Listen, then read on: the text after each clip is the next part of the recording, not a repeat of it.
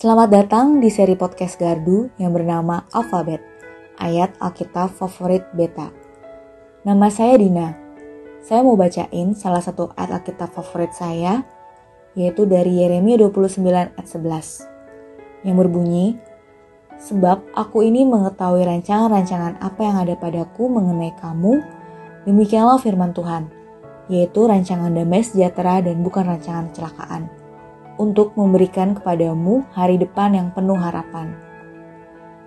Ayat ini secara pribadi menguatkan saya, karena saya sempat merasa mentok dengan apa yang saya jalani, di mana mungkin rencana yang udah saya buat tidak sesuai dengan realita.